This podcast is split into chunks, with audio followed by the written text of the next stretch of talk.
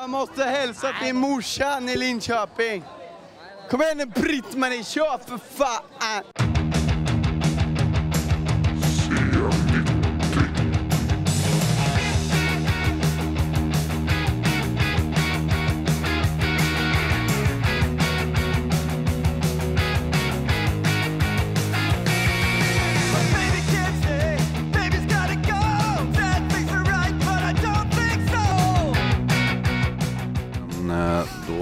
Så säger vi att det äntligen är dags för ett nytt avsnitt av C90-podden. Grymt. Eller hur? Jajamän. Med oss idag har vi ju ingen mindre än Robert Persson. Välkommen till C90 Tusen tack. Välkommen till min studio. Studio Handbacker. Studio Handbackare. Jajamän. Ja. Hur är läget då? Det är bra. Det är riktigt bra faktiskt. Det är mycket på gång här runt studion. Och Ja, precis. Eh, Det är det ju. Josefs eh, skiva kommer ut nu. Josef Toll, Josef Tolje, precis. Eh, Han har ju varit med i din podd. precis. Och nu kommer han alltså ut med ett, helt soloalbum, eller hur? Ja, precis. Och för att knyta ihop där om folk inte fattar. Jag och Josef delar eh, den här studion till exempel och spelar tillsammans. Så eh, därför börjar vi köta om honom liksom. Ja, ja, vi kommer komma in på det mer. Eh, Men nu ska vi först och främst prata om dig och Robert Perssons Humbucker. Ja, Ni är ju också hyfsat skivaktuella måste man ju säga. ja. Vad är det? Den har varit ute i en månad eh, ungefär. Ja. Eh, Rob- Robert Perssons Humbuckers tredje fullängdare, Ja, det är det. Out of the Dark. Japp. Har du någon distans till den nu när den har varit ute ett tag eller? Har jättemycket distans faktiskt, eh, måste säga. Det är nästan som att man, den var ju klar liksom för eh, över ett halvår sedan, kanske ja, åtta månader sedan. Skivbolaget vill ha sex månader på sig från det att, de, eh, att jag levererar den, den färdiga skivan. Så behöver de ha den tiden nu för tiden för att det är som kö till alla vinylpressar i, i världen, om jag har förstått rätt. Eller så är det helt enkelt så att de alltid vänder sig till samma för att de har en deal där. Men hur som så, den har ju varit klar för mig ganska länge och jag har nästan hunnit glömma den liksom. Ja. Så när den kommer ut så blir det som att jag får plocka upp den igen också för att instinktivt så går man genast vidare till nya grejer. Eh, Så det är, ja, det är alltid lite intressant så här, kommer man ihåg låtordningen? Vilket är också fantastiskt för den har man jobbat så hårt med men jag kommer nästan aldrig ihåg låtordningen på mina skivor. Den har ju fått ett bra eh, mottagande. Ja, det har den. Eh, definitivt. Det, det känns riktigt bra. Man kan säga att den är lite bredare om man har lyssnat på dina tidigare plattor som man kan ju beskriva om man bara skulle snabbt beskriva så classic rock Ja, eh, med drag av liksom hårdrock och ja, rock'n'roll och garagerock och lite och pop. och pop. Ja, Ja. precis. Eh, jo, men det stämmer nog. Jag tycker väl att, eh, att de har blivit bredare. Första, redan andra skivan kanske var lite bredare och nu tredje då tog jag ut svängarna ytterligare lite mer. Att så här, om det var en hårdrockslåt så blev den mest hårdrock av alla låtar jag gjort. Om jag gjorde en poplåt så blev den mest pop. Men grunden känner jag i den här skivan står på en rockgrund liksom. Eh, jag tror många kanske tänker att Handbacker är ett hårdrocksband. Men egentligen så känner jag att det är ett rockband med hårdrock och pop-influenser. Eh, det finns ju en riktig hårdrocksrökare i alla fall. Kan Ja. man ju lugnt säga. En, en Tummed in Time. Ja, precis. Eh, och den var ju, jag ville göra en sån låt. Eh, så, så den var lite special. Jag, också första gången som jag skrev en låt som jag visste att jag ville att Josef skulle sjunga. Eh, att jag inte skulle sjunga den, för han är ju som klippt och skuren för att sjunga den typen av musik. Alltså innan jag, när jag började lyssna på skivan och så innan man la, titlarna satte sig, då, då tänkte jag på den som Rainbow-låten. Ja, ja. Det är inte helt fel va? Nej, nej, nej. Den hette Rainbow. Den hette Rock My Rainbow som arbetstitel, eh, rålänge.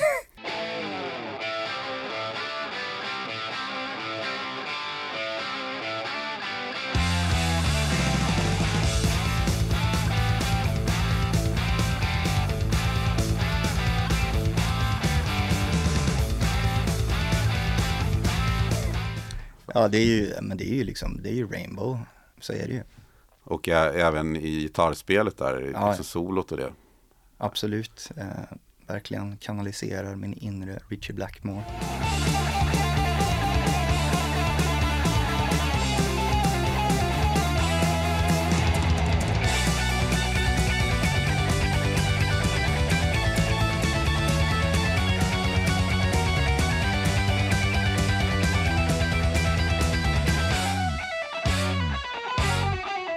Ruskigt bra tycker jag. Ja, den blev jävligt cool. Lite rolig, jag skrev den i min sommarstuga nere på västkusten eh, på typ en dag. Och sen så eh, frågade jag Josef om han kunde komma, komma upp med något så här. Jag kunde inte riktigt, i och med att jag visste att han skulle sjunga den så kunde jag inte riktigt skriva sången, sångmelodierna. Det är bättre att han gör det. Och han, han gjorde det helt fantastiskt. Han fattade grejen direkt verkligen och så, bara, så blev låten ännu bättre. Så det var jävligt coolt. Och jag också lite kul att jag och Jakob hade pratat om att vi ville, han ville spela som Cozy Powell och Vinnie Piss. Eh, och det fick han göra. Ja, med råge. Ja. Det är alltså Jakob? Jakob Ljungberg ja, från Second Sun och var med i Tribulation innan. Ja, precis. Och, och i det bandet då, Second Sun, där är han ju sångare va? Ja, och gitarrist och Ja. låtskrivare. Och... Ja. Men, men jag tänkte på det du sa att det gick snabbt så. Är det inte ofta så med de här låtarna som blir så här äh, man bara känner att de är så här, det är inget snack, de går ganska fort. Jo, så är det ju. Vissa låtar går ju absolut mycket snabbare att skriva än andra låtar. Och äh, den här låten blev ju då, då fick jag ju hjälp med halva, eller egentligen så här, sångmelodierna är ju det som är absolut viktigast. Det glömmer ju folk av ganska ofta och fokuserar på gitarriff och sånt där jäkligt mycket. Jag försöker inte göra det utan det är ju sångmelodin. Men eh, jag visste ju hur jag ville skriva en Rainbow-aktig låt så det gjorde jag och sen så kom Josef och för, förgyllde den verkligen. Och jag tror inte jag hade skrivit samma sångmelodi för jag kan inte sjunga så som Josef gör heller liksom. Mm. Så en del låtar, de, de kommer snabbt och går snabbt. Andra får man kämpa med flera varv liksom innan de blir klara. Men det behöver inte betyda att de är sämre eller någonting. Det är bara det att vissa låtar tar längre tid helt enkelt. Man får testa massa grejer och så. Det måste ju vara en konst där att knyta ihop det så att, så att det blir en bra albumkänsla när det ändå spret, eller kanske inte spreta, men det är ändå då som en tydlig så kallad rainbow-låt och sen hör, Mm. kan man ju höra mycket liksom Tom Petty. Mm. Men det kanske kommer naturligt när det är liksom man tycker om musiken. Ja, jag, jag oroar mig aldrig för att det ska bli spretigt och jag tycker inte det blir det heller liksom. Allt är ju gjort av, eller det är klart det är ju många gäster på skivan, det är ju olika trummisar och så, men det är ju jag som spelar all gitarr och jag sjunger väl mest. Så att det vävs ändå ihop i samma sound liksom och förhoppningsvis så tycker inte lyssnarna att det är spretigt utan istället som vi pratade om att det blir en bredd på det, att det blir intressant. Och så tänker jag eh, väldigt mycket när jag gör skivor att så här, jag tycker att det är roligt om det är mer än en sångare. Jag tycker att det är jättekul om det är mer än en trummis. Också för att det, det bidrar liksom till att hålla det intressant. Eh, och skivorna är ju ganska korta så om man kan klämma in, vilket jag också gillar, jag gillar korta skivor. Så då kan man kanske säga om man inte kan bjuda på mer än 30-35 minuters musik så kan man bjuda på att det händer rätt mycket under de minuterna liksom. Titeln Out of the Dark. Mm. Jag antar att det finns liksom någon tanke eller något, något bakomliggande. Ja, ehm, jag skulle väl inte säga att det är, är supermycket tanke bakom det. Eller, jag har ju haft många låtar som har med ljus och mörker i, som tema liksom, även i låttitlar och jag tyckte Först var jag inte säker på om jag skulle spinna vidare på det temat. Eh, men eh, sen så kände jag att vad fan, jag hittade den titeln Out of the Dark och bara, ja men det blir ju skitbra för den förra heter Long Way to the Light. Och faktum är att eh, efter förra skivan så, eh, det var en tuff tid för mig där. Eh, jag blev sjuk och jag eh, hade skitmycket ångest och jag blev deprimerad. Eh, och det tog en lång tid att komma tillbaka i matchen liksom och ja, bli frisk. eh. Och, Hur, hur blev du sjuk om jag får fråga? Eller liksom, vad var det för sjuk? Eh, nej, det var ju, jag blev, jag blev deprimerad. Ja, Eh, först gick jag med superhög ångest. Eh, tills den då gick över i depression och det, det kanske man inte märker själv. Utan det var ju först när jag sökte hjälp som jag, som jag fick den diagnosen liksom, att jag var det och, och jag fick den hjälpen jag behövde. Och jag tror helt enkelt det var så enkelt att jag hade dubbeljobbat så himla länge. Så att jag brände ljuset i båda ändar eller vad är det man säger. mm. Och, eh, och det var även eh, sjukdomar inom familjen så det var en jättestressig tid för mig. Och eh, det tog ut sin rätt helt enkelt. Men det tog ju, det tar ju lång tid att bli frisk från en sån grej. Liksom, Ja. Jag blev sjukskriven från jobbet och var helt så här, vad fan vad konstigt. Men För du jobbade som ungdomsledare, fritidsledare kan man ja säga men va? precis, det jobbet i sig kan vara ganska stressigt också. Ibland är det lite som att vara i en krogmiljö utan alkohol, eh, alltså så här. Intensivt liksom. Ja men det är intensivt eh, och man jobbar sena kvällar och man jobbar tidiga dagar. Och i princip all min fritid spenderar jag på att skriva, spela in och göra andra skivan liksom. Så jag var ju aldrig ledig. Eh, Så det smög sig på. Liksom, jag började med att man så här, vaknade och mådde inte bra så fort man slog upp ögonen och undrade vad fan är det för fel? Jag, jag har inget ångest över men man har ångest ändå Ja. och vet inte ens vad det är liksom. Men man känner det fysiskt i hela kroppen. Eh, det är väl, jag tror aldrig jag har så här pratat om det i intervjuer tidigare, men jag känner att det kan fan vara en bra grej att prata om. ja. Våga prata om det faktiskt. Det känns ju som att det är inte särskilt ovanligt heller just det här att man inte vet varför man Nej, mår dåligt men att det ofta går att spåra till att man helt enkelt slits itu för man har för mycket. ja, ja men precis. Eh, det jag vet är att jag aldrig har varit jättebra på att hantera stress. Att det brukar ge mig ångest, eh, stress liksom. Jag är inte så bra på många bollar samtidigt men jag är jävligt bra på en i taget. Det är lite som hur man är liksom skapt som människa. Mm. Och om man då, jag hade väl lite för många och alla är lika viktiga liksom. Jobbet är viktigt, jag ska vara en bra fritidsledare. Eh, Jag måste göra en skitbra skiva och jag måste finnas där för familjen samtidigt. Då blir man, till slut så, så går man, eh, man tar slut liksom i tan- bensintanken tar slut för en. Ja. Nej, jag tror att det är vanligare än man tror faktiskt. Ja. Eh, Oavsett vad man, vad man jobbar med eller vad man vill ägna sig Ja, åt. ja. Och så. Men eh, jag tänker att du kanske också eh, Det är tydligt att du är en väldigt kreativ person som vill skapa, ha det Ja. i dig. Att du kan bli stressad av det när du inte liksom får tid till att utöva Ja, ja. din kreativitet. Om Ja, förstår men- vad jag menar. Ja men definitivt. eh, Och sen då när jag märkte att den började sina min kreativitet. För, det, för mig funkade det så att jag blev inte alls bättre på att göra musik när jag mådde dåligt som en del eh, myten kan säga att för att skriva en blueslåt så behöver man må dåligt och sådär. Fan det enda jag ville göra var att ligga i fosterställning i soffan hemma och att ingen skulle se mig. Eh, för jag pallade inte ens träffa folk liksom. Och då blev jag ju stressad över att fan är det för fel på mig? Så här ska jag inte vara. Mm. Och, och det bidrog till ångesten. Det är en spiral liksom. Som man behöver, kan behöva hjälp för att ta sig ur. Och eh, jag tog mig ur det genom att promenera en mil varje dag i typ nio veckor. Okej. Bland annat då. Eh, och terapi och ja, så vidare. Men tyckte du att terapi och sånt hjälpte? Ja, det tycker jag. Definitivt.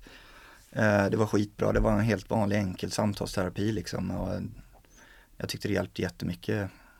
Bara ta steget att göra det. Kände jag att mm, det lättade lite liksom. Och sen när en grej börjar lätta, till exempel att sömnen kommer tillbaka. Då, då är det som en god spiral och det ena ger det andra och så vidare. Och ju mindre då man kanske slutar tänk, oroa sig för det så släpper mer och mer. Absolut. Jag är rätt ängslig av naturen också så att eh, jag får ju passa mig för sådana här grejer har jag lärt mig. Eh, och jag har ju även förstått att jag har haft den här problematiken eh, långt tidigare i mitt liv utan att riktigt veta vad det är liksom. Ja precis, då relaterar man det kanske till något annat och tror att man, det beror på något. Eller Ja, precis. Precis, ja, Allt, allt möjligt. ja. Men nu har du en bättre situation rent krasst när man ser att du då inte behöver jobba som fritidsledare för tillfället. Ja, nu, det, det är ju en form av stress det också faktiskt för att eh, som sagt, jag jobbar ju inte längre i Solna stad som jag gjorde i 13 år som fritidsledare, fast anställd.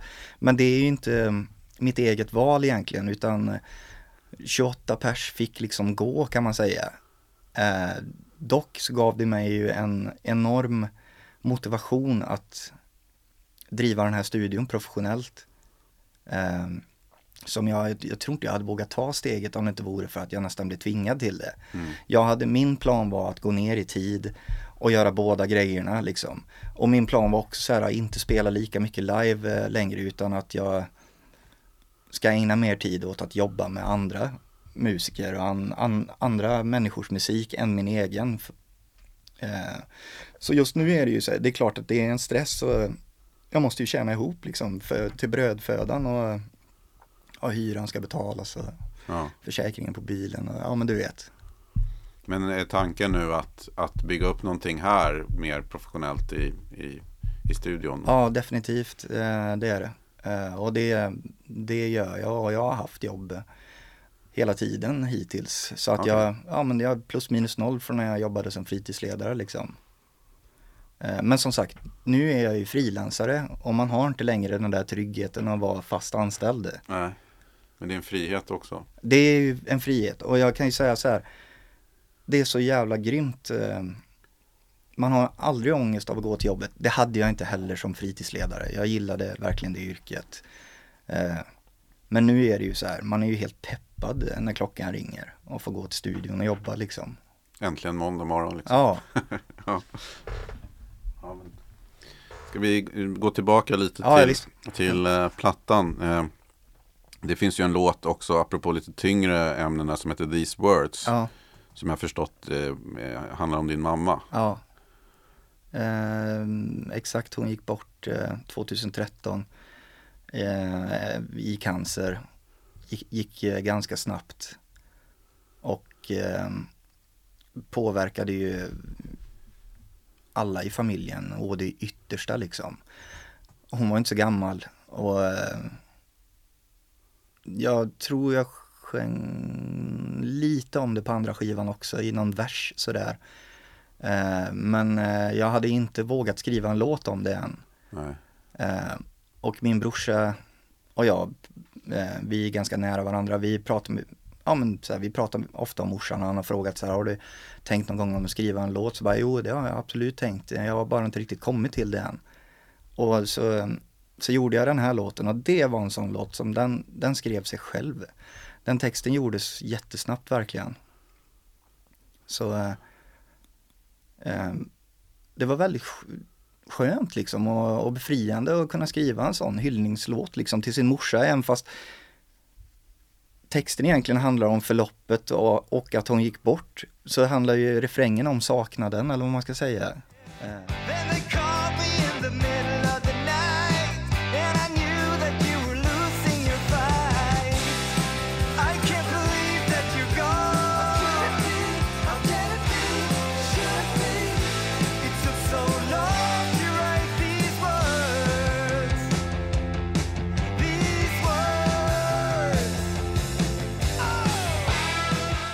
Men för mig är det inte en deprimerande låt utan det är en, som en hyllning till morsan liksom. Om man ser till bara texten så är det ju kanske inte musiken låter som man kanske förväntar sig. Nej. Alltså musiken är ju, vad ska man säga, den är ju inte så deppig egentligen. Nej, det, det är ju moll. Det är ju en ganska... Nej, den är väl inte så deppig. Det är ju inte...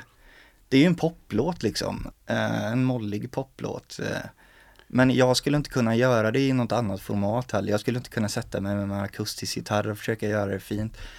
Jag har inte det. Jag kan liksom inte uttrycka mig på det sättet tillräckligt bra än, ska jag säga. Jag vill ju komma dit någon gång liksom, men jag håller mig inom rock, pop och hårdrocksramen när jag håller på liksom. Så att det var det bästa jag kunde göra. Ja, jag tycker det blev väldigt eh, stilfullt. Ja, Bitarna faller väldigt bra på plats. ja, ja liksom. visst. Och den är bara, den är inte ens tre minuter lång. Nej, den är liksom. skitkort. Det är den. Jag, jag försökte om jag skulle förlänga den och göra ett stick till den men jag liksom så här, nej det behövs inte. Och det, det är också en sån grej som jag håller hårt på när jag skriver musik. Inget så här onödigt i, om det inte behövs så får det inte vara med helt enkelt. Även fast jag tycker att gitarrgrejen var cool Ja. så bara, ja, men det är helt onödigt egentligen. Det är bara jag, kanske jag som tycker det. Men du sa att hon gick bort 2013 så att det, det tog några år att, att liksom få till den. Ja, precis. Men egentligen var det inte som att jag försökte skriva den hela tiden. Det var mer att jag inte riktigt vågade närma mig ämnet. Förutom i en låt som heter Traveling through the dark på, på förra skivan. Som också handlar om, om vänner och familj som har som, som dog i förtid kan man säga. Eh, och där fick jag med eh, i en vers liksom lite grann om det. Eh, och det var väl samma, det är också en hyllning. Alltså jag tycker om att skriva om, om, om livet helt enkelt. Eh, så Det, det kanske också kan vara så att det tar ett tag innan man kan närma sig ämnet på ett sätt som man får ett grepp om det. Liksom. Ja, ja, det tror jag. Definitivt. Ehm, Det är säkert olika hur man funkar liksom. Andra kanske behöver det som för att bearbeta direkt sådär. Men för mig var det mer att det tog en stund innan jag kunde göra det. Det är inte alltid man vet heller. Alltså, min pappa gick bort väldigt hastigt med, i hjärtsvikt slutet av 2015. Och eh, ef- efter att det hade hänt, även ganska tätt inpå, Mm. så kunde jag bli så här förvånad själv av att när folk frågade om det, det är inte alltid folk vågar, Nej. ta upp det så, men när väl gjorde det så tyckte jag att det var väldigt skönt och tyckte om att prata om Ja. det och förklara och berätta Ja. och sånt där. Och det blev jag lite förvånad av mig själv för jag trodde inte att jag, utan jag trodde mer att man bara skulle, för då var man fortfarande i sorg liksom, Ja. att man bara skulle vilja stänga. Ja. ja men eh, absolut, Eh, min styvfarsa sa det efter mamma gick bort. Eh, Jag var väldigt nära honom och de hade varit gifta länge och han var, var med sen han var liten så här att han Han förstod att folk var rädda att prata med honom. Eh, För de visste att det, alla visste att det var de två liksom. Han hade verkligen förlorat sin kärlek sådär. Men han sa att jag önskar att de hade vågat prata med mig, för jag hade gärna gjort det. Men man förstår att folk inte vågar närma sig det liksom. Nej men man tänker liksom så här att det är så stor sorg så att man vet inte riktigt vad man ska säga. Nej, nej. Som att Och man bara- kanske inte ens är, vågar så här, vara beredd på att ta reaktionen man får. Nej, exakt. Nej. Men det där är också, det tänkte jag lite på att efter ett tag så, även fast man kanske inte tror det först, så blir det ju ändå ett, ett, ett kan man ju tänka på det utan sorg, alltså när, när tiden går. Ja, ja. Och man kan prata om det utan att bli, eh, man kan prata om honom utan att man blir ledsen eller Ja. så. Och, och lite så är känslan jag får när jag lyssnar på din låt. Ja, ja. Att det är liksom, det finns ett ljus och ett hopp och även om texten bara egentligen beskriver vad som har hänt. Så, så att, eh, nej, det fick du till bra tycker jag. tack. Det är jättekul att höra.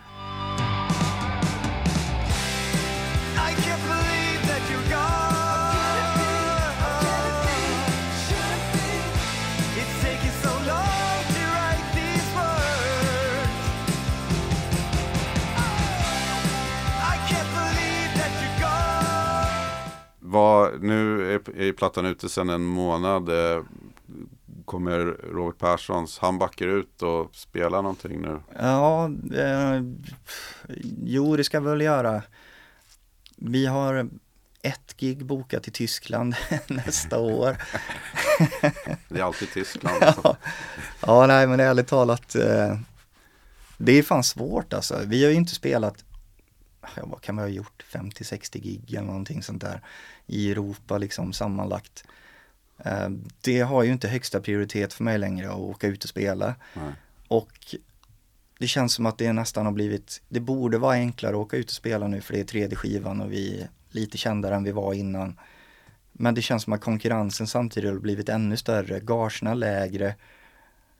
Och eh, det får mig lite så här att tappa sugen. Vi har ju ett bokningsbolag och de gör ett bra jobb. Men helt enkelt så här, garantierna är så jävla låga så att man, någonstans har jag en regel, eller jag har en regel och det är att jag spelar inte om det innebär förlorad inkomst. Mm. Och med det menar jag att måste åtminstone ha lika mycket som det är om man är hemma och jobbar.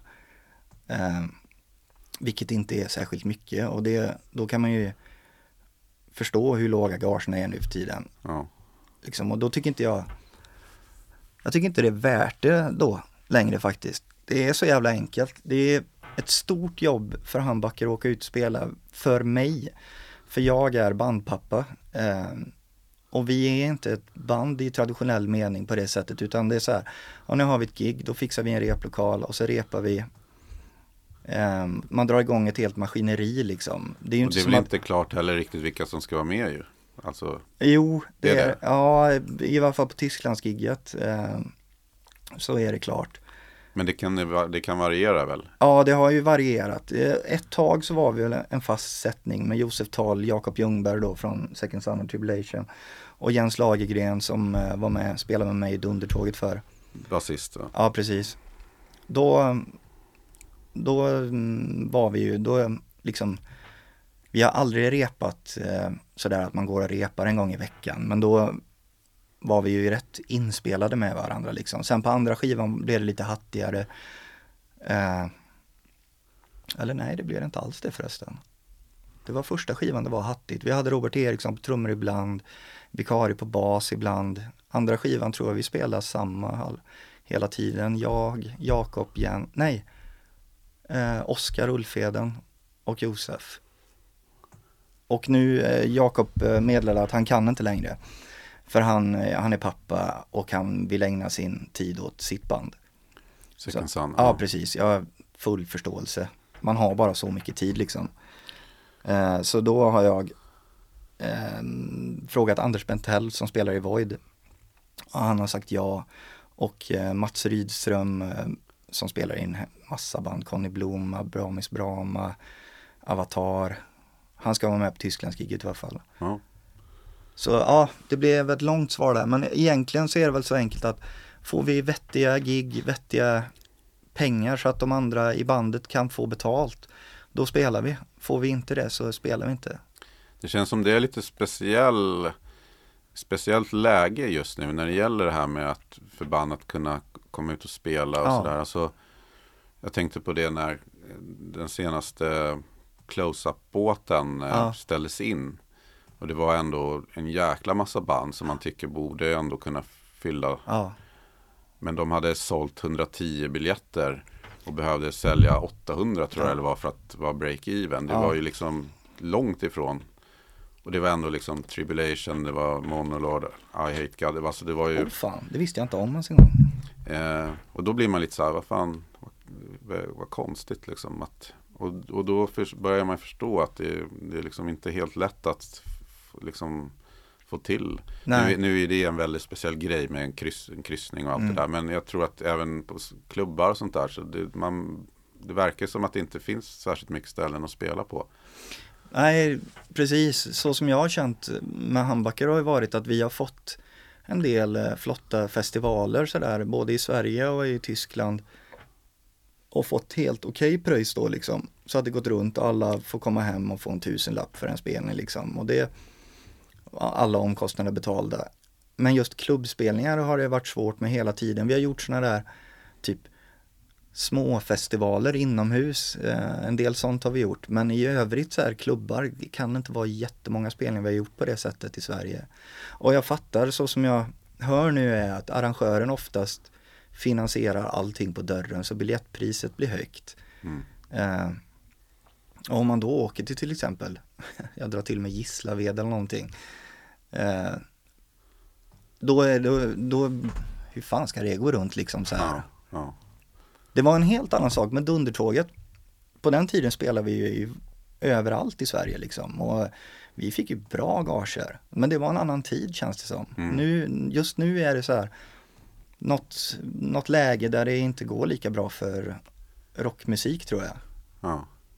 Och jag, jag har en teori om att vi inte är så coola heller för vi har ingen så här, vi har ingen okult image, eh, vi är inte heavy metal, vi är egentligen inte riktigt hårdrock heller sådär och jag är rätt gammal. Så eh, ja, du vet, jag tänker att så här, det är, kanske inte är så fräckt liksom, vi spelar inte psykrock eller du vet, eller doom och sånt där utan vi spelar så här, ja, classic rock. Eh, Men du, du var ju med i Dundertåget eh, hela väg och Thunder Express. Ja. I, nästan hela, Nästan hela vägen ja. ja. Ehm, och det du, du nämnde det där att ni kunde spela på rätt stora ställen och sånt där. Men det kändes ju, som jag upplevde det, många kände till det men det blev aldrig något så här jättebreak heller. Liksom. Nej, nej, det är jävligt intressant. Eh, Robert Perssons handbackar säljer ju mycket mer skivor än Dundertåget någonsin gjorde. Då var ju såklart marknaden mindre eh, för Dunder, men jag tror jag säljer mer skivor i, i Sverige än vad Dunder gjorde också.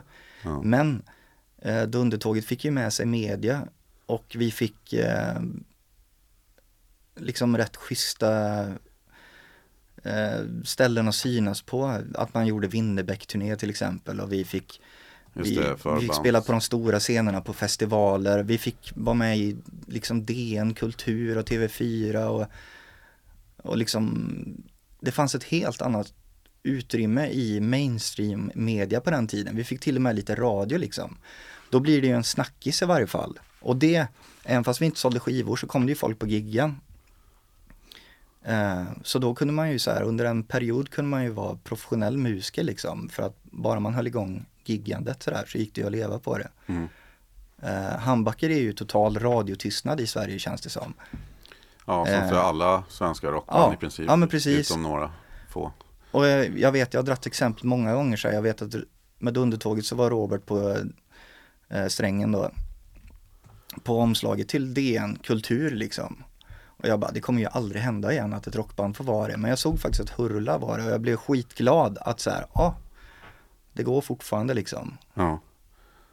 Och Dundertåget eh, debuterade ju, eller det var ju egentligen Thunder Express Ja. med, med engelska texter Precis. 2004 va, när 2004 kom första, andra eh, kanske We kom. Play For Pleasure var första plattan va? Ja. Och den andra var väl Republic Disgrace tror jag den heter. Just det. Och låtar från den skivan blev sen omskrivna på svenska plus några nya låtar. Och sen blev allt ommixat och så kom det ut som Dundertåget, skaffa ny frisyr. Just det, 2009. Ja, det var det nog. Och, eh, och då var ju du kompgitarrist Ja, eh, i, i, men hur, hur ser du på den tiden idag i, med Dundertåget? Nej, jag liksom ja, Det var så jävla kul i typ tre Fyra, eller det är klart, räknar man med Thunder Express. Det kändes lite som så här, Thunder Express var eh, ett riktigt undergroundband. Sen när Hellacopters inte fann, fanns längre, då fick Dundertåget chansen att bli ett riktigt band och det blev vi. Och var det ett tag liksom, men sen så ble, blev det inte så roligt längre av många olika anledningar. Ehm, men jag ser tillbaka på den tiden med så här, bara stolthet och glädje faktiskt. Vad var det som gjorde att det inte blev lika roligt då? Nej, det var ju jag och Robert, vi är barndomskompisar. Växte upp tillsammans i Uddevalla liksom och eh, egentligen så tror jag inte så nära vänner ska ha ett band tillsammans. Och, eh, och sen så eh, Robert hade ju problem liksom mot slutet och det är väl, ja det är väl ingen nyhet egentligen. Jag vill inte sitta och snacka skit om min gamla kompis. Och det gör jag inte heller, men så här, det gick ut över våran vänskap. Vi kunde inte kommunicera bra längre och det blev inte kul helt enkelt. Och jag kände också att jag inte fick utrymme i Dundertåget för min kreativitet heller. Och det går ju bra ett tag sådär. Men sen så är det ju tråkigt eh, när man ska göra den tredje skivan och man så här inte får input. Och vad fan ska jag göra med alla mina låtar liksom? Ja, Och plus att jag kände någonstans också att vi inte blev bättre. Så, så då tog jag beslutet och hoppade av bandet. mm. Och eh, ja, det var väl det liksom. Men på det stora hela så hade vi svinkul och han var jag har Robert kärt i minnet och jag saknar han otroligt mycket verkligen. Eh, Men eh, hittade ni tillbaka till varandra då efter att du hoppade av bandet eller? Eh, nej, både ja och nej. Eh, e- Egentligen så, så umgicks vi aldrig på samma sätt som vi hade gjort tidigare igen. Eh, och det fanns nog en del ont blod mellan oss. Eh, men eh, till slut så tror jag vi båda la det åt sidan. Men helt enkelt, Robert flyttade ju jävligt mycket också. Han flyttade runt rätt mycket och han höll på med sin grej eh, musikaliskt och jag höll på med min grej musikaliskt. och De var jätteolika då. Eh, verkligen så här, han gjorde sin soloskiva där som heter Solo. Mm. Då kallar han ju sig Robert Dahlqvist. Ja, jo, han, han hattade ju mycket där också sådär. Mm. Eh, Det var väl först sista som, de sista släppen som han gjorde under namnet Strängen. ja, precis.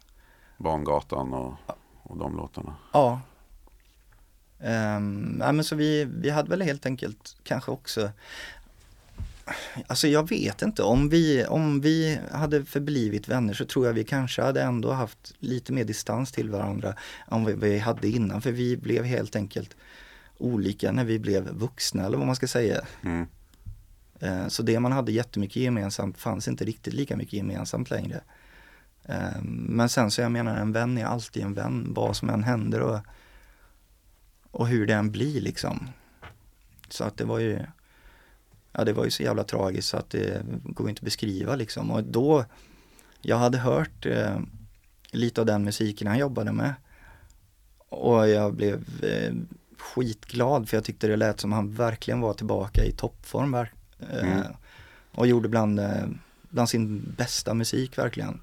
Han höll ju på då med albumet som blev rock på svenska. Ja. Som sen gavs ut då postumt Exakt. eh, förra året va? Ja, det blir det va? Eller? Jo, det måste det väl nästan bli. Ja. Eh, som färdigställdes då av bland annat Chips, Ja, Kisby-producenten. Och, eh, och det blev väl snyggt gjort tycker jag. ja verkligen. Det blev ju skitbra. Jag också så jävla ironiskt och bittert att Robert inte fick vara med och uppleva hur bra kritik hans skiva fick. Mm. För han hade gillat det så jävla mycket och jag skulle vilja att han fick se det. Mm. Eh, så det, ja. Det är, ja, det är, det är svårt att, att prata om hela grejen, eh, verkligen. Och jag tror att, ja, det, det kan man ju låta vara sagt för jag tror att många kanske inte vet men jag vet att det var rykten om att folk trodde att Robert hade tagit livet av sig sådär och det vill jag bara klargöra ytterligare för om folk fortfarande tror det, att så var det inte, det var en olycka. Mm. En olycka och han var i bra form. Så det var jävligt tragiskt. Och som det ofta blir då så var det väl många som kanske upptäckte då i, när, i, efter hans död då eh, Dundertåget och den musiken han hade gjort som en del kanske hade missat. Ja, Eh, det tror jag. och just att det var eh, med, med även de svenska låtarna, det blir ett annat uttryck när man sjunger på svenska. Även om ja. Mycket av texterna skrevs väl av Stefan Sundström. ja. Men att det, ja, det var ändå ganska ovanligt med den typen av musik på svenska. Ja, det var, det var ju det då. Eh, definitivt. Och eh, vi blev ju mycket bättre band eh, när vi gick över till svenska. Det tyckte vi ju alla liksom. Och Robert sjöng bättre på svenska. Och Sundström, eh, Sundström skrev inte allt, men han skrev mycket. Det ska verkligen inte...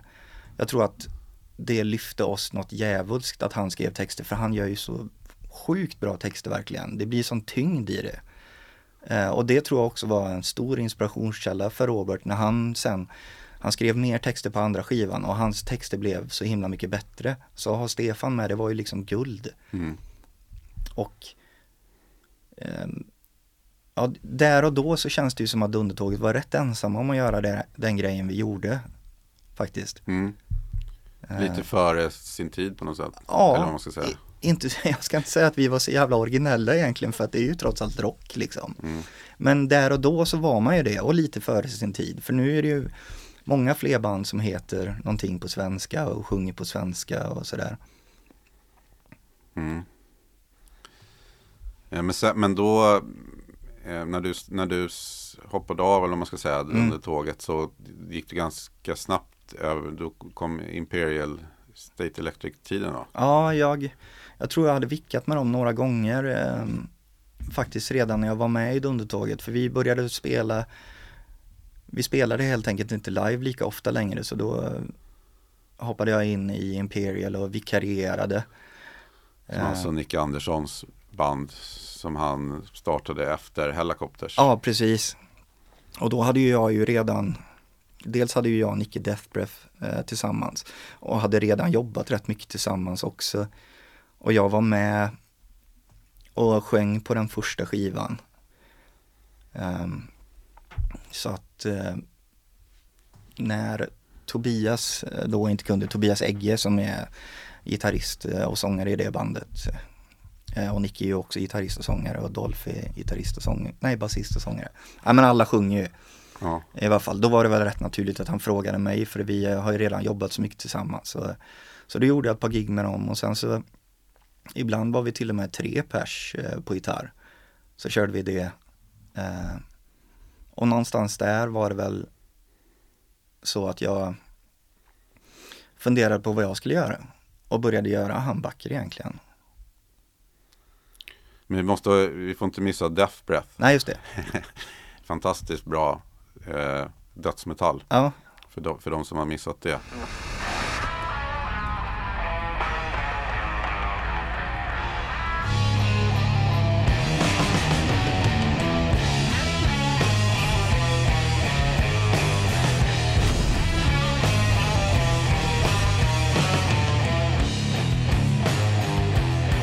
Två skivor samma år va, kom, kom så ut. Eller egentligen var det en EP som Ja, man kan jag- se som en LP. Eller?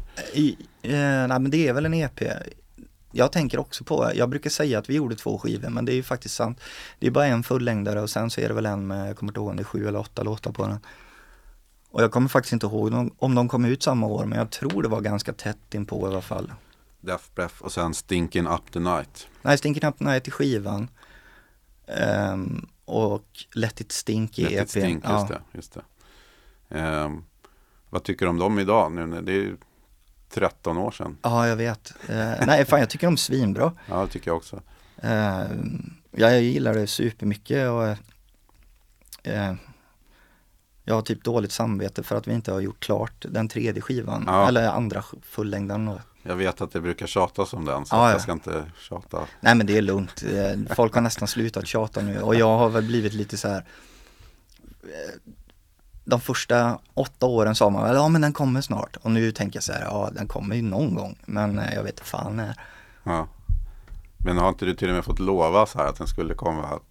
För att det var så mycket tjat liksom. Jo, jo, definitivt. Eh, Men alltså vi får ju erbjudanden som är rätt flotta liksom med Death Breath eh, varje år. För, för spelningar och sådär nu. Jag ska väl inte säga någonting för det kanske man inte får. Men vi, ja, vi får rätt feta grejer. Eh, men eh, det måste ju vara så att jag och Nicke eh, måste vara peppade samtidigt. Och ha tiden samtidigt. Och det har väl varit så att om Nicke har haft tid och är peppad, ja då är jag mer fokuserad på handbacker och är peppad på det. Så Death Breath har hela tiden sjunkit på prioriteringslistan långt, långt ner liksom. Eh, så det är väl, ja, det är väl så det är med det helt enkelt. Mm. Men eh, faktum är att eh, jag fick en, Nicke har suttit på materialet som vi spelade in 2007. Eh, så det är ju fan över tio år sedan alltså. Jag fick en låt i förra veckan. Som jag kunde öppna på en gammal dator som jag har Pro Tools på. Och exportera ut filerna och dra in dem i, mitt nya, i min nya studio. Som jag använder ett annat program i. Och kunde öppna då låten för första gången på jävligt länge. Och vilket betyder att jag då också kan lägga sång på den och mixa den om jag skulle vilja göra det. Så jag tror att han var lite peppad nu och skickade den därför. För det var ingen förklaring, det var bara, här är en låt. Ja, ja. Nick är lite hemlighetsfull alltså, eller vad ska man säga? Jag, vi, jag menar Scott bor ju i USA också, han måste ju också vara en del av den. Mm.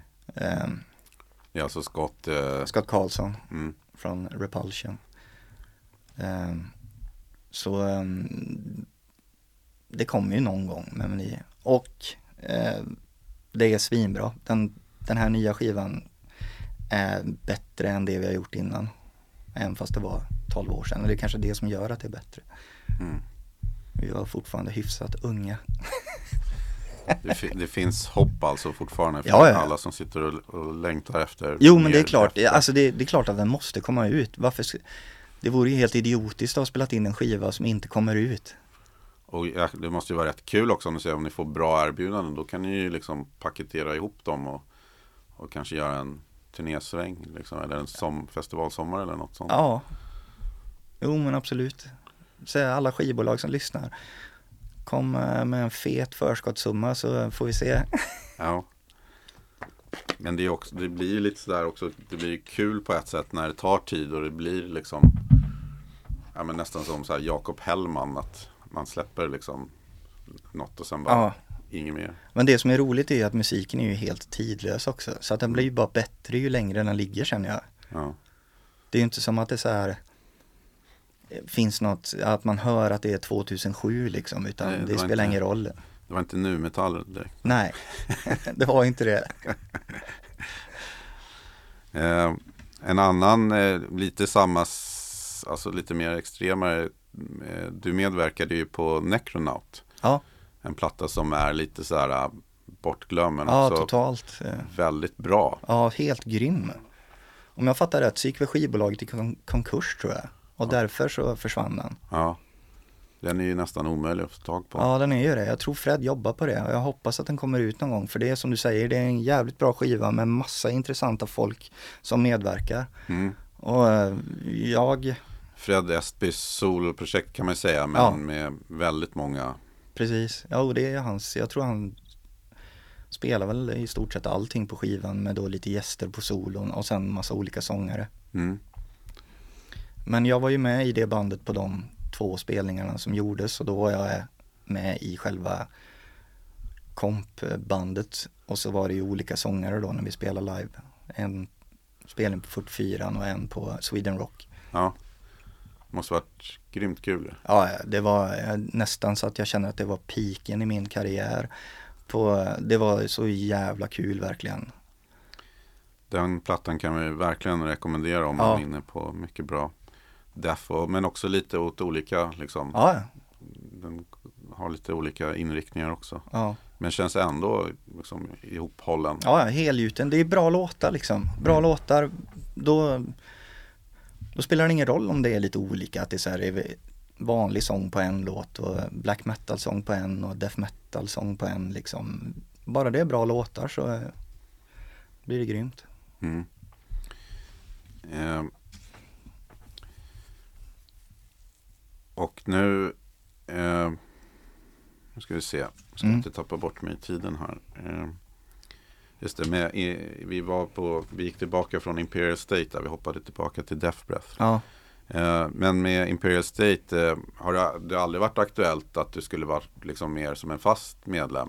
Nej, nej, jag tror inte det. Nicke brukar väl säga att jag var i varje fall förr så här en fast medlem. Men jag, men utan att, att veta om det? Ja, eller, eller så här att jag hade lyxen att vara med när jag kände för det typ. Ja, vi har väl sagt lite själv, eh, skämtsamt sådär. Eh, Men eh, nej, det är ju Tobbes plats helt klart liksom. Och, han gör det där bättre än mig också i det bandet. De, vad ska man säga, de är väl lite bredare kanske än vad, vad Handbacker är. Eller de har i alla fall äldre influenser än vad jag har.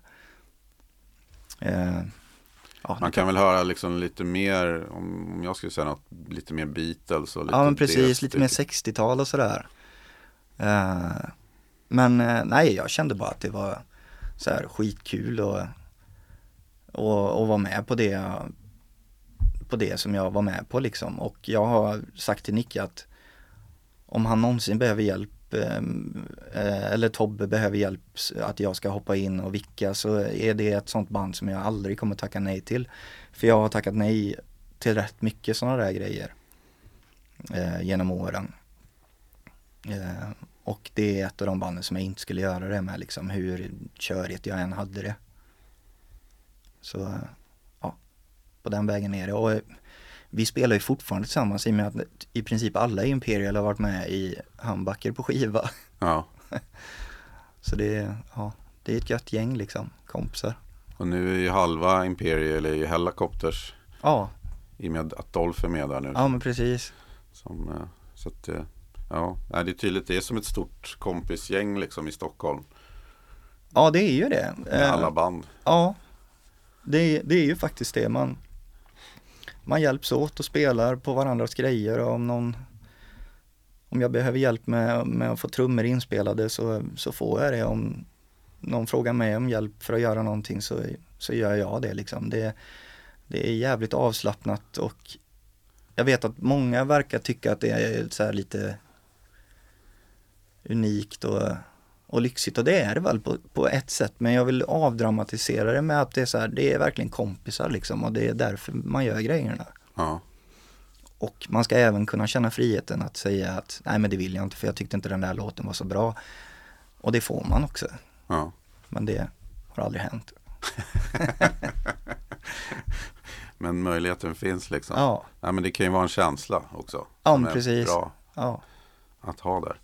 Men det är ju väldigt också, man tänker på om det- börjar någonstans liksom runt, kanske ända tillbaka till en tomd med, i med Nicky Andersson, Ja. så Fred från Dismember då som sen eh, och man skulle kunna göra ett, liksom ett sånt här träd ja, och idag har du liksom Void, eh, det känns som att Tribulation då, även om de är från Arvika och Mm. Josef Toll och på något sätt så har liksom allting är liksom eh, hänger ihop någonstans ja, ja. I, i trådar sådär. Jo, och det blir ju också i och med att Nicke och Fred drev en studio tillsammans, tillsammans med Dolph också. Just det. Där kny, eh, knöt vi många kontakter genom den studion. Eh, det var ju så jag lärde känna hela Arvika-gänget egentligen, genom Josef Toll, som jag lärde känna genom att han var och spelade in en skiva i, i Nickes och Freds studio där jag var i princip varje dag. Ja. Eh, Ja, för Arvika-gänget är ju större än vad många kanske tror. ja, ja, ja. Vilket är lite roligt. Ja, och det, absolut. Och det är så här. Jag är så jävla glad att jag har fått in det gänget i mitt liv. För det är guldmänniskor och de är superduktiga musiker liksom. Och nu är jag god vän med dem liksom, som jag ser som nära vänner. Ja, Och eh, den här helgen var det ett helt Arvika-gäng här och spelade in i studion. ja. Vilka var det då? CC Company. Ja, just det. Det är Josef Toll och, ja, Eh, Jonka, just det. Ja. Ja, eh, Johannes, sången i Tribulation. ja precis. Och så Tobbe Linkvist, eh, basist i Enforcer. Mm.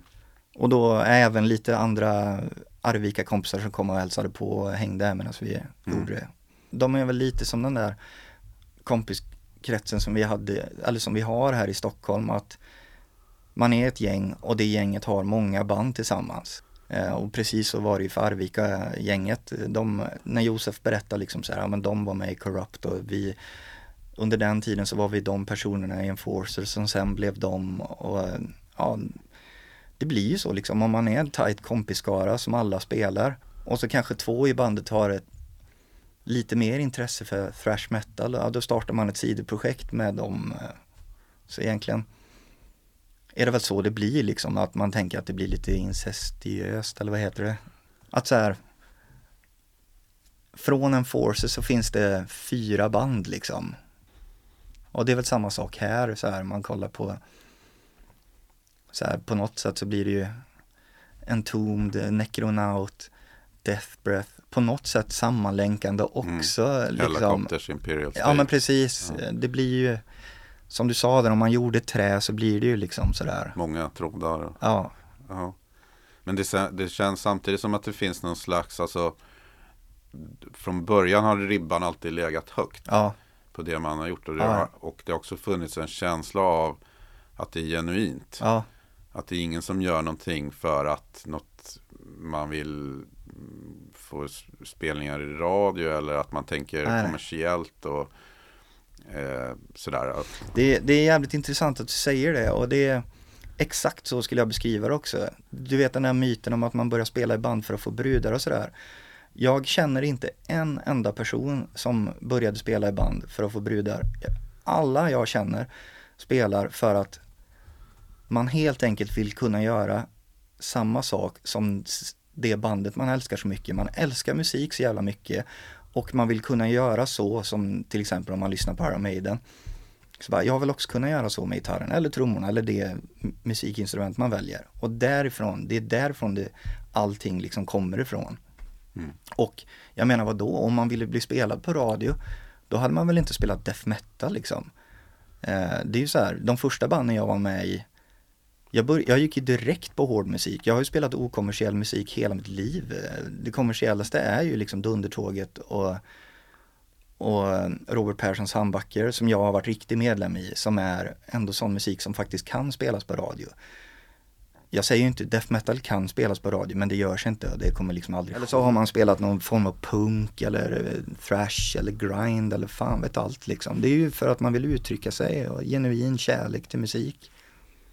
Men det är ju det, det är också en gemensam nämnare egentligen med alla de här banden att de spelas ju inte på radio. Nej, Inte ens eh, liksom de så kallade Ja, det kan ju bara hända någon enstaka gång Ja. liksom. Typ så här att det spelas någon helikopterslåt eller något sånt. Ja visst. Men om, om, man, om man backar 15 år, eller kanske mer då, jag vet inte, svårt med tidsuppfattningen ibland. Så spelades ju ändå så här, liksom Toys and Flavors på radion i Mm. varje fall och sådär. Men nu, nu finns ju inte utrymmet längre. Och om det finns lite utrymme, då tar ju liksom Backyard eller Hellacopters det är ju utrymmet. Och det fattar man ju, de är ju de stora svenska rockbanden. Så att då, då fylls ju kvoten direkt och så finns det inget kvar till någon annan. Nej. Nej, det är ju därför man inte lyssnar på radio. Liksom, för att det, ja, det, jag hörde någon gammal radioproducent. Han sa det att man måste komma ihåg att kommersiell radio, oavsett om det är rock eller om det är liksom lugna favoriter eller om det är R&B Mm. Så alltså musiken spelas bara för att lyssnarna ska vara kvar och höra reklam. Ja, just det. Det är liksom den enda syftet. Ja, intressant. Och det, ja, det låter ju väldigt logiskt när man hör det. Ja. Men det blev ändå så här, ja. Jo men eh, absolut, jag, jag har ju sett skillnaden bara under från Dunder och genom min, de åren jag har släppt skivor under egen under eget namn. Så de två första tror jag i varje fall att jag fick göra P3-intervjuer. Och för varje gång jag träffade Håkan till exempel så, så var det sådär han sa att hans program hade blivit kortat ytterligare. Kanske sändningstiden hade blivit ytterligare senare och sådär. Så man kände ju att någonting var på gång liksom med rockmusik. Att det skulle få mindre utrymme liksom. Mm. Och eh, nu, nu är det väl eh, Det är ju de andra kanalerna som har reklam som man kanske kan vara med i liksom. Eh, Classic Rock och, och Bandit och vad har man mer? Ja, de där rockkanalerna. ja. Men det är ju vad det är liksom och det är ju inte därför man håller på. Jag kommer ju fortsätta göra musik även om ingen lyssnar. För jag vet att till exempel Nicke kommer lyssna om jag skickar en låt till honom och bara hör vad fett. På den här använder jag min nya Sennheiser mikrofon. Ja. Och då kommer han lyssna. Ja. Vi brukar skämta om det, att det, är så här, det kommer ju sluta där liksom. Men det är ju på gott och ont också där. Alltså, det har ju varit en tid när, när det som vad ska man säga, om man ser till de skivorna som gavs ut och så, där det var väldigt styrt av skivbolagen. Ja, Och den är ju borta nu, Ja. för det, i alla fall för den här typen av rockmusik. Ja. Liksom. Eh, Det finns ju fortfarande band som gör kommersiell liksom, ja, hårdrock eller om man ska säga så. Men det, det känns som en annan genre. Jag tror att lyssnar man på eh, Humbucker så lyssnar man kanske inte så mycket på den. nej. Ja, jag, jag, jag vågar väl inte riktigt svara. Jag, jag går ju runt med en känsla av att om Hambacker fick mainstream eh, radio och mainstream press så tror jag liksom att det finns lyssnare där ute. Jag tror så här att potentiellt skulle man kunna ha en hit med några av låtarna faktiskt. Eh, Absolut. Ja, det skulle inte vara orimligt och, och så känner jag med, med väldigt många av mina vänners band också. För det, det som du beskrev, det är ärligt och det är kvalitet eh, liksom. Så att, och jag vet ju att det finns lyssnare där ute, det gör det ju. Det är ju bara att kolla på Spotify. eh, Så här, min singel hade 17 000 streams på, på mindre än en vecka. Så det finns ju lyssnare där ute.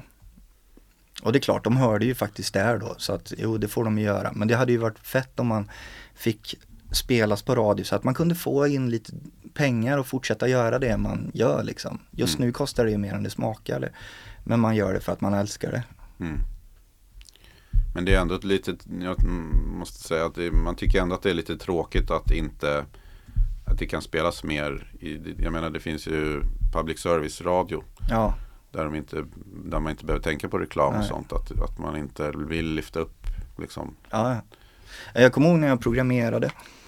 Eh, så satt jag ju och jobbade framför en dator hela dagarna och då lyssnade jag skitmycket på radio faktiskt. Jag lyssnar fortfarande på radio i bilen. Eh, men då minns jag om man hade på P3 att de liksom spelade ju en hel del gitarrmusik. Det kunde vara så här Hästpojken och Timo Räisänen och, och annan liksom musik som var gjord i mer, vad ska man säga, traditionell form liksom så här att det var trummor, gitarrer, bas, sång, körsång och så vidare. Det är ju inte så jätteofta när man lyssnar på P3 som man hör ett band, bandmusik eller vad man ska säga. Och nu vill jag inte låta som en rå gammal stofil här som säger att det är fel. Jag säger bara att så är det tror jag. Mm. Liksom att den där, just att man musicerar på, det, på ett gammaldags sätt som nästan ses som gammaldags nu. Att de säger så här att handbacker låter retro. Och ja, det, det finns det gör det väl. Men samtidigt också så här kan man nästan beskriva all musik som spelas av ett gäng som spelar gitarr, sjunger, trummor, är vanligt uppmickade och hit och dit liksom så här. Det är inte programmerat och, utan det är så här, man spelar in en, en performance. Att det är retro idag Ja. på sätt och vis. ja. För det är ju jävligt många som sitter och gör musik med bara en dator och sen en mick som man sjunger i liksom och har någon, Tiderna förändras på gott och ont. ja, För på ett sätt så har du ju liksom tillgång till all musik. Ja. Om du känner, ja men jag gillar eh, Robert Perssons handback, jag gillar Imperial State. Så här, Ja. du, du kan ju det är ju inga problem att få tag på det. Liksom. Som det kanske var när du var 14 bast och eh, hörde något band. Men om jag tittar i backspegeln så känner ju inte jag att jag saknade musik på grund av att tillgängligheten inte var lika stor. För man fick ju alltid tag på den musiken man gillade ändå på det sättet att om man hade sin veckopeng och så hade man sin kompis med sig, då gick man ju till skivaffären och så köpte jag den ena Megadeth-skivan och min kompis köpte Metallica-skivan och så kopierade man på kassett liksom. Ja, Och man visste ju inte att det fanns mer där ute förutom det i skivbackarna och det man kanske såg är okej och så vidare. Mm. Och det räckte ju liksom.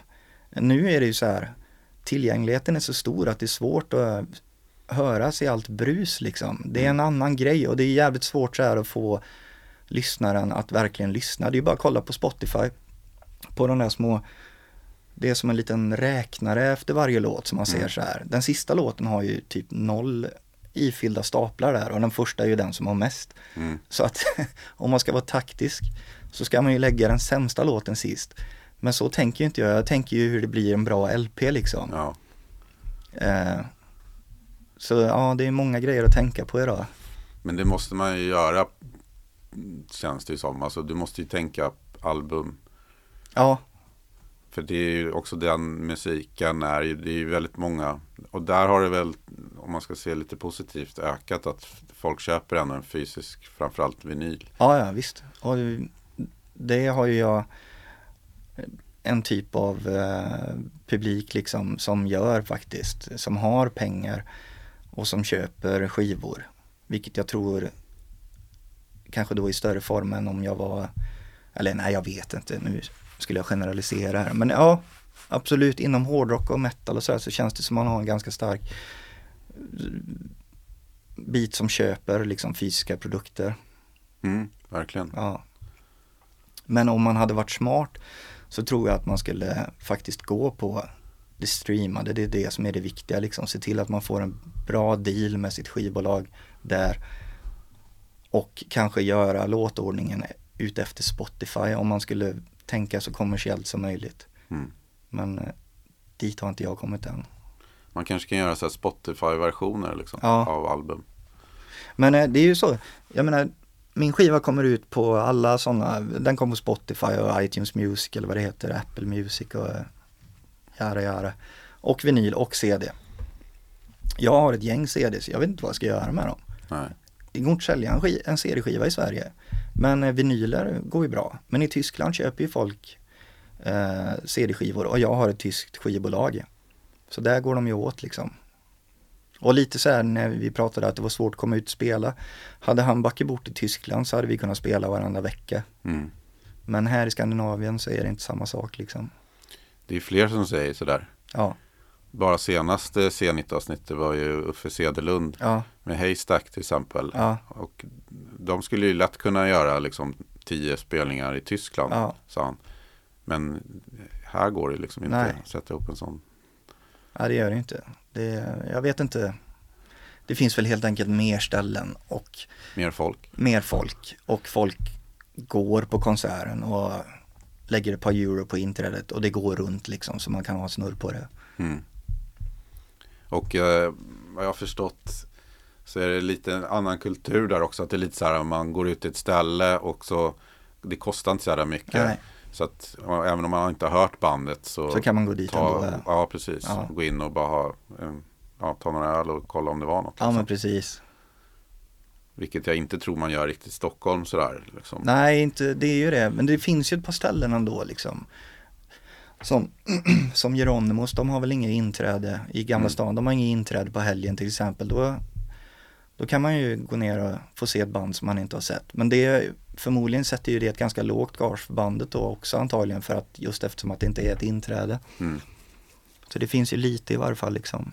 Ja, Jag skulle ju tycka själv att det vore skumt att betala 200 spänn för att se Humbucker på till exempel, eh, vad ska man ta, Alcazar eller eh, du vet Lilla Nalen eller vad det heter. Det tycker jag är ett saftigt pris liksom eh, för, för en biljett för att se oss där.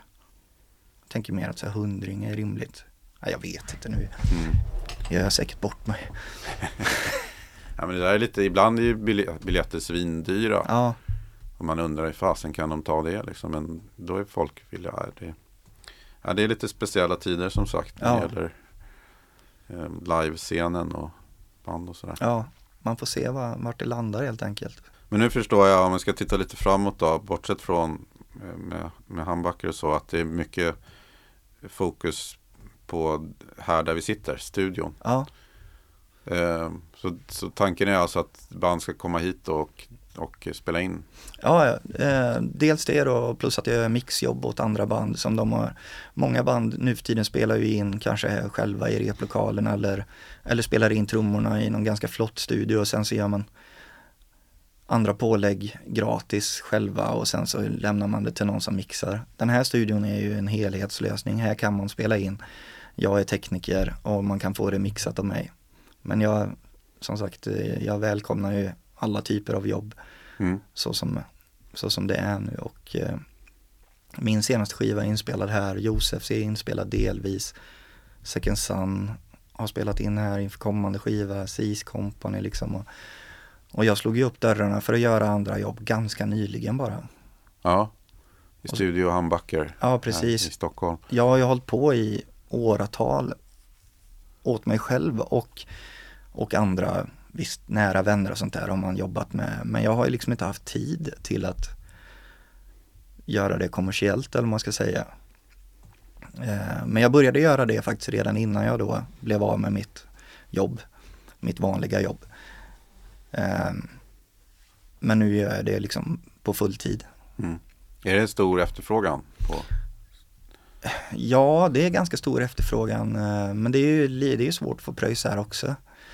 Eh, det är ju många som spelar in som inte har någon budget och många band som gör skivor åt skivbolag och förstår inte att de kan be skivbolaget om budget. De tror att det är en no-no liksom. Men vanligtvis är det ganska unga musiker som inte har förstått att man ska inte ge bort sin musik. Till exempel, om de då pröjsar för en inspelning, varför ska de ge bort musiken till skivbolaget? Jo, oh, den kommer ut och det är fett och allting sånt där. Men Mm. om ett skivbolag, jag brukar ha som så här måttstock, om ett skivbolag är ett skivbolag och det är det enda de är, de har inte ett vanligt dagjobb vid sidan, då ska de betala för inspelningen. För de lever ju på musiken de gör ut. Mm. Varför ska inte musikanterna åtminstone få x antal pengar i budget för att spela in musiken som de sen släpper? Det, det är intressant det också, Ja. att prata om hur svårt det är liksom. Eh, eh, Är det inte lite att man är kvar i det här gamla tänket att shit vi har liksom signade av ett skivbolag och så tror man att det i sin tur ska leda till någonting mer än vad det gör idag när, när marknaden ser ut som den gör. Liksom. Ja, alltså jag vet inte. Jag är väl kanske gammaldags tänkt där, men jag tänker ju att om man är signad av ett skivbolag och de vill ge ut ens musik, då ska de ju stödja bandet också. Ja. Då kan de ju inte, de kan ju inte gärna, vad, vad heter det, de kan ju inte gärna liksom låta bandet betala för studiotiden Nej. själva. Nej. Det är ju helt orimligt. Och om det då är så, då tycker jag att man ska tacka nej till det och Ja. faktiskt ha lite is i magen och vänta tills, det, tills man får ett skivkontrakt där man har en riktig relation till skivbolag och där man hjälps åt att göra en produkt. Jävligt många är nog så heta på gröten att få ut sin musik idag så att eh, det blir lite snett där liksom.